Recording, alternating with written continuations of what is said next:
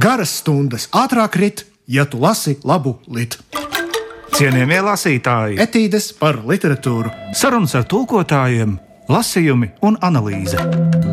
kopā ar dzinieku Tomu Trēbergu un vēl Ar rakstnieku Svenu Kusminu trešdienās, ā, 15.35. ā, LR1.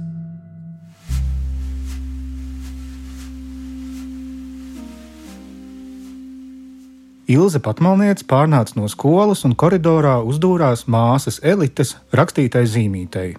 Aizgāju uz kino, virtuvē uz galda tev ir atstāta trubiņa.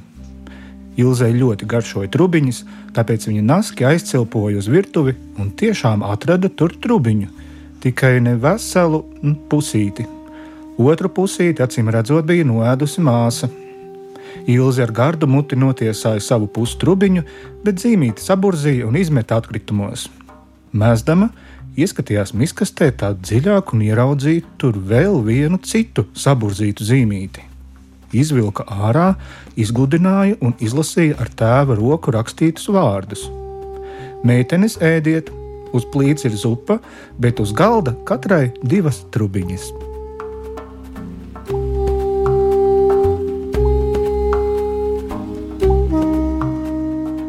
Labdien, cienījamie lasītāji! Labdien, cienījamie lasītāji! Mēs ceram, ka jūs savā bērnu dienās, vai arī, ja paši vēl esat bērni, apēdāt godīgi savu trubiņu, nevis tā kā elita.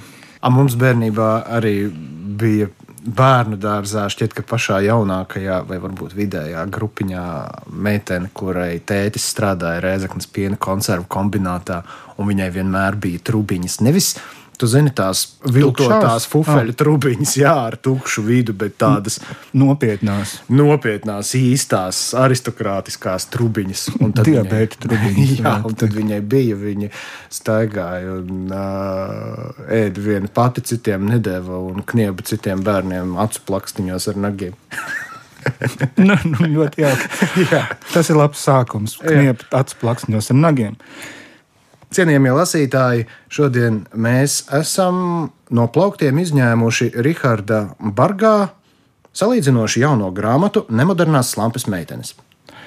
Šī grāmata ir stāstu mākonis, stāstu klāsteris. Es pat nezinu, maza, maza orbīta, kura nosēžas mūsu acu priekšā un dod ļoti plašu spektru ar emocijām un arī ar valodas sniegtajām iespējām. Tas ir ļoti interesants apzīmējums, stāstu mākonis. Droši vien tā arī varētu būt. Es ļoti izbrīnījos, kad pirms laika, kad šī grāmata iznāca, kaut kur es redzēju apzīmējumu romāns un nodomāju, ok, tādā gadījumā tas uh, ir jāuztver kā vienots veselums, un es tā arī esmu nu, jau divas reizes gājis cauri šai grāmatai, uztverot to visu kā tādu. Nu, jā, tā ir tāda mazu, lielu un vidēji lielu notikumu eksplozija. Bet tas, kā Rahards iznes cauri visiem šiem mazajiem sižetiem, tas vienotais veselums, kas šo mazo, mazo lietiņu klasteri padara par vienu lielu lietu, ir pats Rahards. Viņš ir tā aiztviela tam visam. Nu, arī viņš pats ir klāsteris, jā, nu, tā jau kā tu minēji. Jo viņa radošā darbība arī ir tāda pietiekami mm, raiba. Viņš ir studējis Liepājas pedagoģiskajā institūtā un arī izglītojies Rīgas pareizticīgo garīgajā seminārā. Un tad viņa darbība saistās ar grāmatniecību, lielākoties ar izdevniecību Atēna. Un savulaik viņš vadīja arī Latvijas televīzijas raidījumu Simts gramu kultūras. Mm, Un tad Raharda rakstu darbu salikums veidojas gan no dzīslas darbiem, tātad no krājumiem mīļvārdiņi un labi, un visbeidzot eh, prozā tātad eh, krājums tēnkas, pēc tam plikie rupši un, jā, visbeidzot, nemodernās slāpes meitenes. Tas, ar ko nemodernās lampas meitenes, visa cita starpā, ir ļoti apbrīnojams, ir tas, ka nu, lūk, tu nu pat veici tādu ātrā ekskursu Rahāda radošajā un izglītības biogrāfijā, un par to visu šajā grāmatā ir. Lūk, kas ir pats interesantākais, ka viņam ir izdevies mm, tā, nu, it kā no mazām detaļām, bet vienlaikus ļoti pamatīgi, ļoti pārliecinoši izveidot to viena cilvēka pasaules modeli. Un, nu, es zinu, ka mēs jau vairāk kārt par šo esam runājuši, vai ne? Bet nekad nenāk par ļaunu. Tu domā par grāmatām? Jā. jā, par grāmatām un par cilvēkiem. Kas par, tās raksta? Uh, jā, un ka tās grāmatas ir tie cilvēki, kas tās raksta. Un šis ir ļoti, ļoti izteikts piemērs tam, ka šī grāmata ir ne tikai cilvēks, šī grāmata ir kaut kādā ziņā arī visa cilvēka dzīve. Un tas izklausās, protams, ļoti kaut kādā ziņā tā augsti un vērienīgi tā teikt, bet es nekā citādāk nevaru pateikt par šo grāmatu. Nu, jā, bet dzīve jau var būt augsta un vērienīga, un tad viņa var piezemēties pavisam tuvu raupjajai un varbūt pat grubuļainajai zemē. Tad arī tādai zemē, kas ir pļava, un tad varbūt atkal pacelties domas augstumos. Nu, lūk, lūk. Un, jo vairāk es lasu šo grāmatu, jo vairāk mani izbrīna tas, ka nu, cik ļoti šajās 400 lapusēs ir viss, kas cilvēka dzīvē var būt. Nu, patiešām, ja mēs skatāmies vispār uz cilvēku kā uz tādu radījumu, kas sastāv no fiziskajiem pirmsākumiem, no garīgajiem pirmsākumiem un no intelektuālajiem pirmsākumiem, un plus vēl no visu piedzīv, dzīves laikā piedzīvoto, pieredzēto notikumu summas, tad uh, cik daudz lapušu vajag, lai visu to ietilpinātu. Izrādās, cienījamie lasītāji, ka priekš tam vajag 445. Par vienu pietrūka. Tā būtu 4, 4, 4. Lūk. Vai tev ir kāds um, fragments, kā tu varētu paskaidrot šo mūsu iepriekšējo pārdomu uh, ritējumu. Nu, jā, nu, te ir ļoti daudz fragmentu, kas ilustrē kaut kādas tādas varbūt mazākas domas un secinājumus, bet ja mēs skatāmies uz kaut ko tādu, kas ir visaptverošs, vienlaikus gan garīgumā, gan ķermeniskumā, gan sadzīviskumā, gan es runāju tagad kā kāzās, vai ne? Gan, mm -hmm. smieg, gan smieklos, gan priekos, gan bēdās. Un vienmēr sakot, uh, gan sadzīvē, gan cilvēkos. Kaut kā tam līdzīgi. Nu, ir atsevišķi teksti šajā, šajā grāmatā, kas patiešām kaut kā ļoti koncentrētā veidā to visu ietver. No tiem viens spilgts piemērs ir šāds.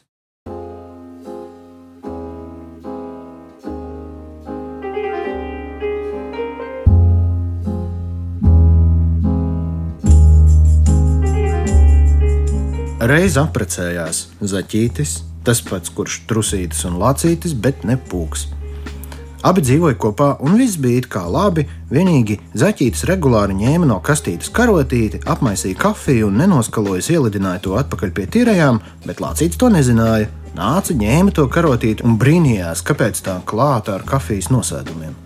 Noskalojis to tīru, viņš apmaisīja savu kafiju, vēlreiz to noskaloja un nolika atkal kastītē, bet pēc brīža atnāca zaķītis, ar to pašu karotīti apmaisīja sev jaunu kafiju un atkal nenoskaloja, jo kas tad tie par netīrumiem nieki vien drīz atkal būs jāmaisa.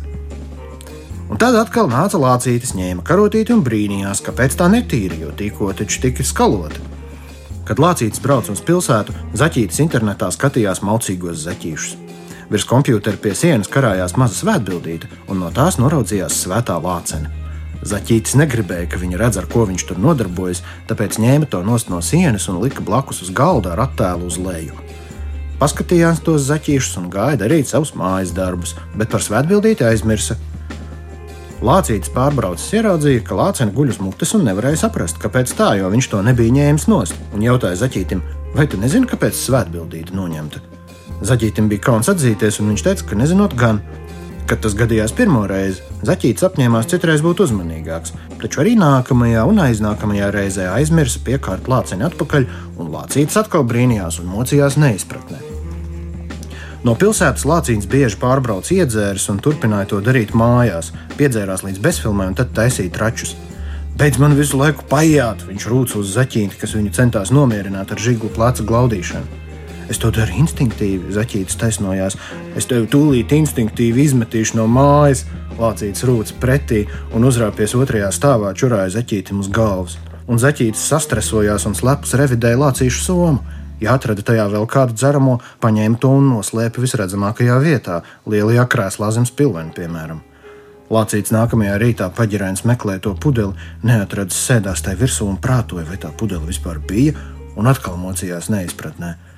Bet zaķīts bija pārbaidījies, ka tik viņa draugs ar dibenu to pudeli nesajūt. No kā tu baidies? Viņš jautāja Lācītam. No sevis, Lācīts teica, bet no kā baidies tu? Es arī no sevis, atbildēja zaķītis, bet padomāja no tevis. Ja lācītim dzerot gadījās pudeli atstāt bez uzraudzības, zaķītis klusiņām piezagās un piesaucot lielo lāceni, to pudeli pārkrustīja. Zaķītis bija dikti ticīgs un viltīgs. Viņš bija novērojis, ka tajos vakaros, kad pudele ir pārkrustīta, lācītis sadzēries nerīkot račus, bet salīdzinoši ātri iet gulēt, dažreiz pat pudeli nepiebeidzas. Reizē ejot pa pilsētu, zaķītim ceļā trāpījās dzērieni, un viņš iedomājās pārkrustīt tos, lai visi, kas dzer šos dzērienus, arī iet ātri gulēt un netrako. Todien lielais lācis caur zaķīti iedarbojās īpaši spēcīgi, un viss alkohols, kas bija veikalā, pārvērtās ūdenī. Bet zaķītis tik gāja tālāk un neko nenojauta. Vēlāk, kad uzzināja, kas noticis, sāka skraidīt un krustīt visus veikalus pēc kārtas, tomēr šņabis par ūdeni neskapēc vairs nepārvērtās.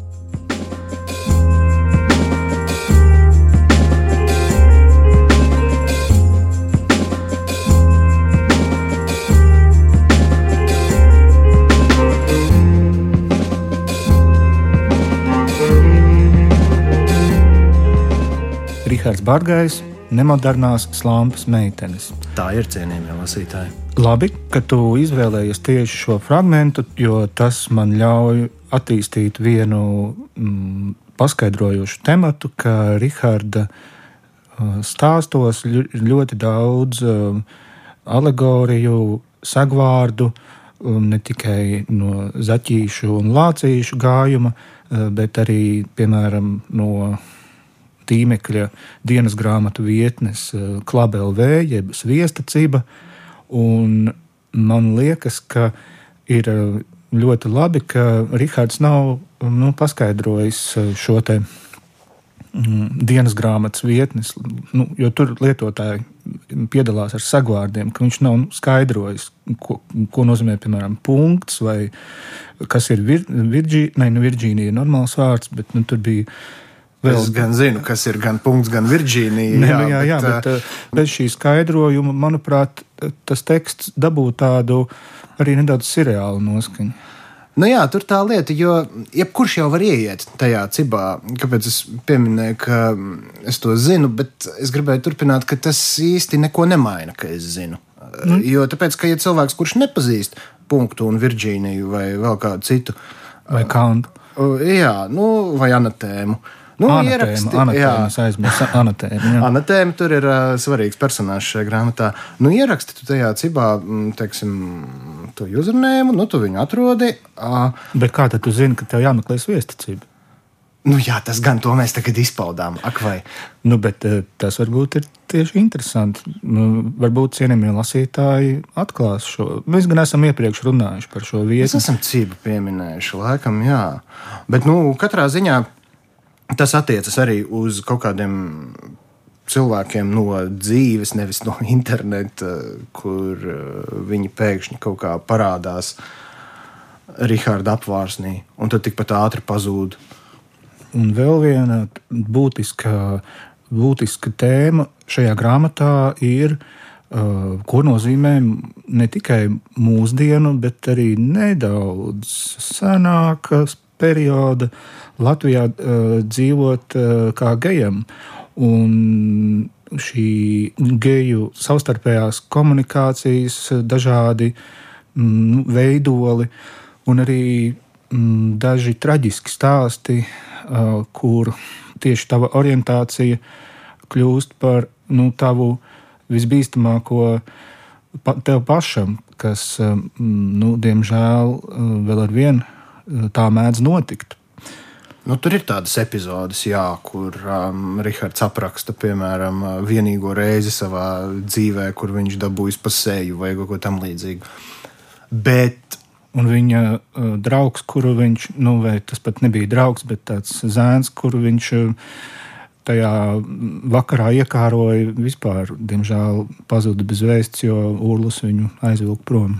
Jā, un tas uh, no vienas puses ir ļoti svarīgi uz to norādīt, kā uz nu, tādu vienu tematisku pavadienu šajā grāmatā, bet teiksim, tāda veida tēmām, nu, jebkurai tēmai, kura kaut kādā brīdī ir sociāli aktuāla, īpaši aktuāla nekā cita, šīm tēmām ir noslēdze kaut kā priekšlasītāja noteikti, nevis priekšautora.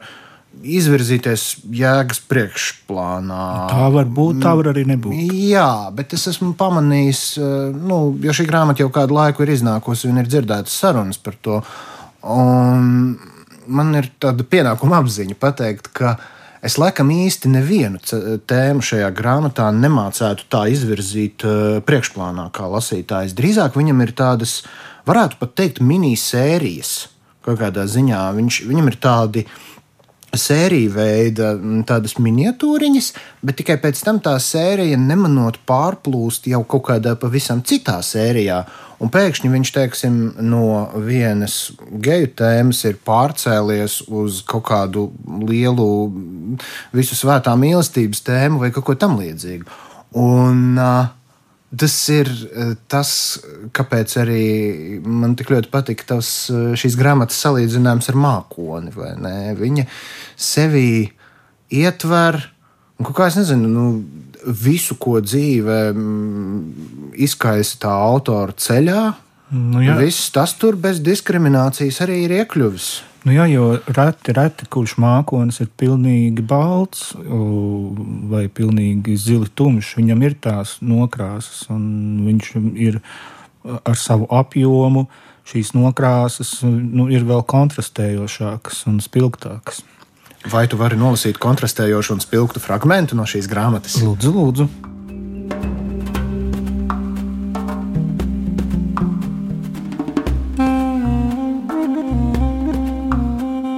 Ja baznīcā galvenās ir vecenītes no sveču kastes, tad teātrī tie ir zāles pārziņi, garderobists un rekvizītori.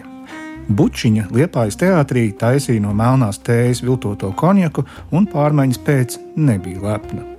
Patiesībā viņu nemaz nesauc par bučiņu, kā man vispār mēlu pagriezās. Par kučiņu varbūt sauc, bet nu ne jau par bučiņu. Bet lai kā, es viņu saukšu tieši tā, jo mums ar Sašiņu viņa bija īpaši mīļa. Un man personīgi ar viņu bija savas pilnīgi sevišķas saites. Es zilais, viņa arī nekādu skaistulu mēs apzinājām, kas par lietu. Un alažiņu satikāmies kaut kur pusceļā. Te starp bāriņu ielu un teātri, te starp teātras stūri un dienas ieeju, te gaitenī starp caurlaidu un lielajām trepēm, Apstājāmies, pamīņājāmies un devāmies tālāk, katrs savā pretējā virzienā. Nekā tāda, vienkārši vibrācija, tā īpašā vibrācija, kas padara šo pasauli par apdzīvojumu vietu. Bučiņa teātris mīlēja līdz kaulu smadzenēm un savu briesmīgo matu galiem.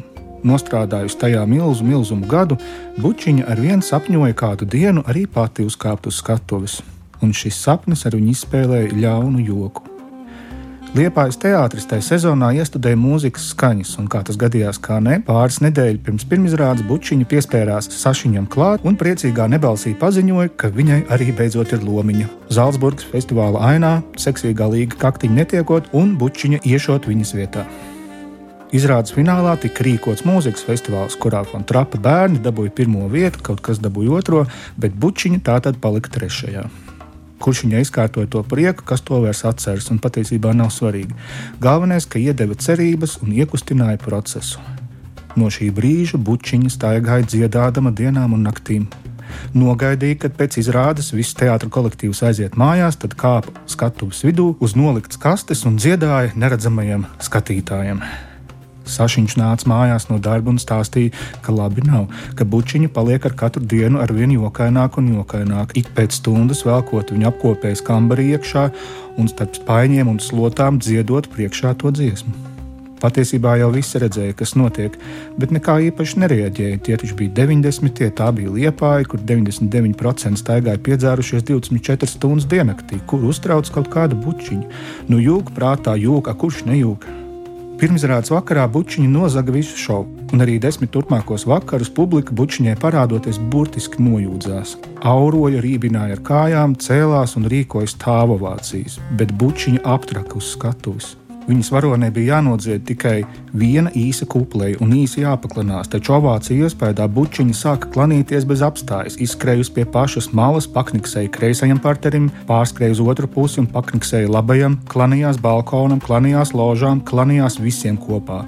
Publika lauza krēslus, Fontrapu ģimene palika ēnā, ilgi tā nevarēja turpināties. Cilvēki speciāli nāca tikai uz otro cēlienu skatīties bučiņas uznācienu. Sākumā izrādes administratora bučiņai pielika kalnrāju.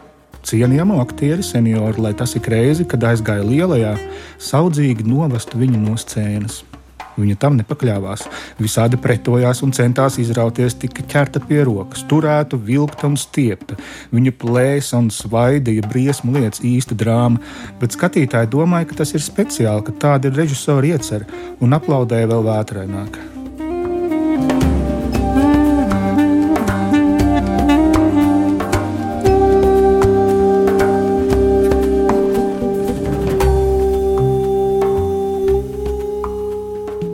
Tom, tu izvēlējies manu vismīļāko stāstu no šīs grāmatas. Nu, tā tad mūsu telepātiskie signāli tiek nodoti ar vienu sekmīgā līmenī. Lūk, lūk, es vēl ilgi domāju, vai ņemt to vai neņemt, bet um, kaut, kaut kas tur ir. Kaut kas tur ir. Rihards ļoti skaisti prot uzbūrt ainas. Un 90. gadu liepāja ir šķiet viena no spilgtākajām, kas šajā grāmatā ir. Viņš ir patiešām ieguldījis darbu tajā vidas uh, radīšanā. Uh, jā, tas, kā viņi krāsoja kāpņu telpā sienas, piemēram, lai nu, sapelnītu sev naudu un tiktu atpakaļ uz Rīgu. Vai arī aiz logiem, kur bļaustās maziņš, maziņš visu nakti, un tu tā arī neuzzini, kas tad ir maziņš. Nu, katrā ziņā ir skaidrs, ka Rihards mīl cilvēkus, uh, un viņš mēdz viņus arī galīgi, galīgi nemīlēt. Un, nu, kungs nedod nokļūt tajā otrajā kategorijā. Nu, un, un, un ir ļoti mm, sildoši būt pirmajā. Vismaz tā kā var nojaust pēc viņa rakstītā. Nu, lūk, un uh, arī par to mīlēšanu un visu to Nu, tas, tas kaut kādā veidā slēdzas klāt arī pie šo grāmatu caurstrāvojošās garīgās nots. Un uh, Rihards jau ļoti daudz raksta par savu Ticību. reliģiozo pieredzi, kas ir ārkārtīgi intīma lieta patiesībā. Un uh, tas, cik ļoti viņš atklāja savus reliģiskos meklējumus, nu, tas jau ir tāds, jā, būtībā, kā cilvēks. Nu, Na, nevar tā vienkārši visus un visu mīlēt. Nav tas tā tik īzīgi, kā pieceļos, tā mīlu visus, vai ne? Tas jau ir tāds process. Un, nu, man šķiet, ka tas ir diezgan apbrīnojami, cik ļoti literatūra spēj tam pielaist klāt. Lūk, tā ir tāda dzīves pieredzes apmaiņas programma, Lūk, kas ir šādas grāmatas. Paldies Rihardam par šo brīnišķīgo literatūru, un ar to mēs arī noslēdzam to grāmatu birumu, kuru mums nodrošināja tulkotāja Ingūna Beķere. Paldies! Un jau nākamajā reizē, ū, nākamajā reizē mēs dosimies pavisam jaunos virzienos. Kādos to dzirdēsiet? Visu labu! Čau, čau! Garas stundas ātrāk rit, ja tu lasi labu litu. Cienījamie lasītāji, etīdes par literatūru, sarunas ar tulkotājiem, lasījumi un analīze. Kopā ar dzinieku Tomu Trēbergu un vēl ar rakstnieku Svenu Kusminu. Trešdienās, 15.35. LR1